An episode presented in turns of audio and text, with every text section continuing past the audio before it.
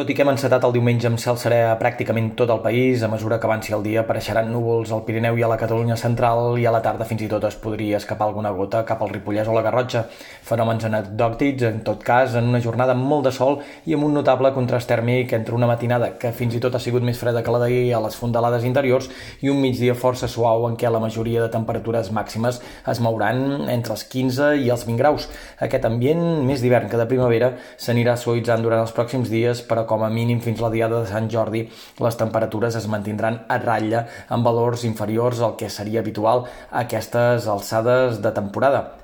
Pel que fa a l'estat del cel, la setmana que demà encetem s'intueix insegura i variable. Dilluns els núvols aniran a més de sud a nord amb el pas de les hores, però el paraigua no s'haurà d'obrir pràcticament en lloc i només havent dinat es podrien repetir els ruixats al Pirineu Oriental. Dimarts, una jornada grisa amb cel tapat i plogims febles i dispersos a forts indrets, especialment de la meitat nord del país, cap al Pla de Lleida i també de punts interiors de Tarragona. Entre dimecres i dijous s'obririen clarianes, però el temps es mantindria insegur i no seria estrany que patissin els ruixats a la meitat nord del país. Divendres el cel estarà enterbolit pel pas de núvols prims, però a dia d'avui, precisament la diada de Sant Jordi, s'entreveu com l'únic dia sense pluja a cap punt del Principat.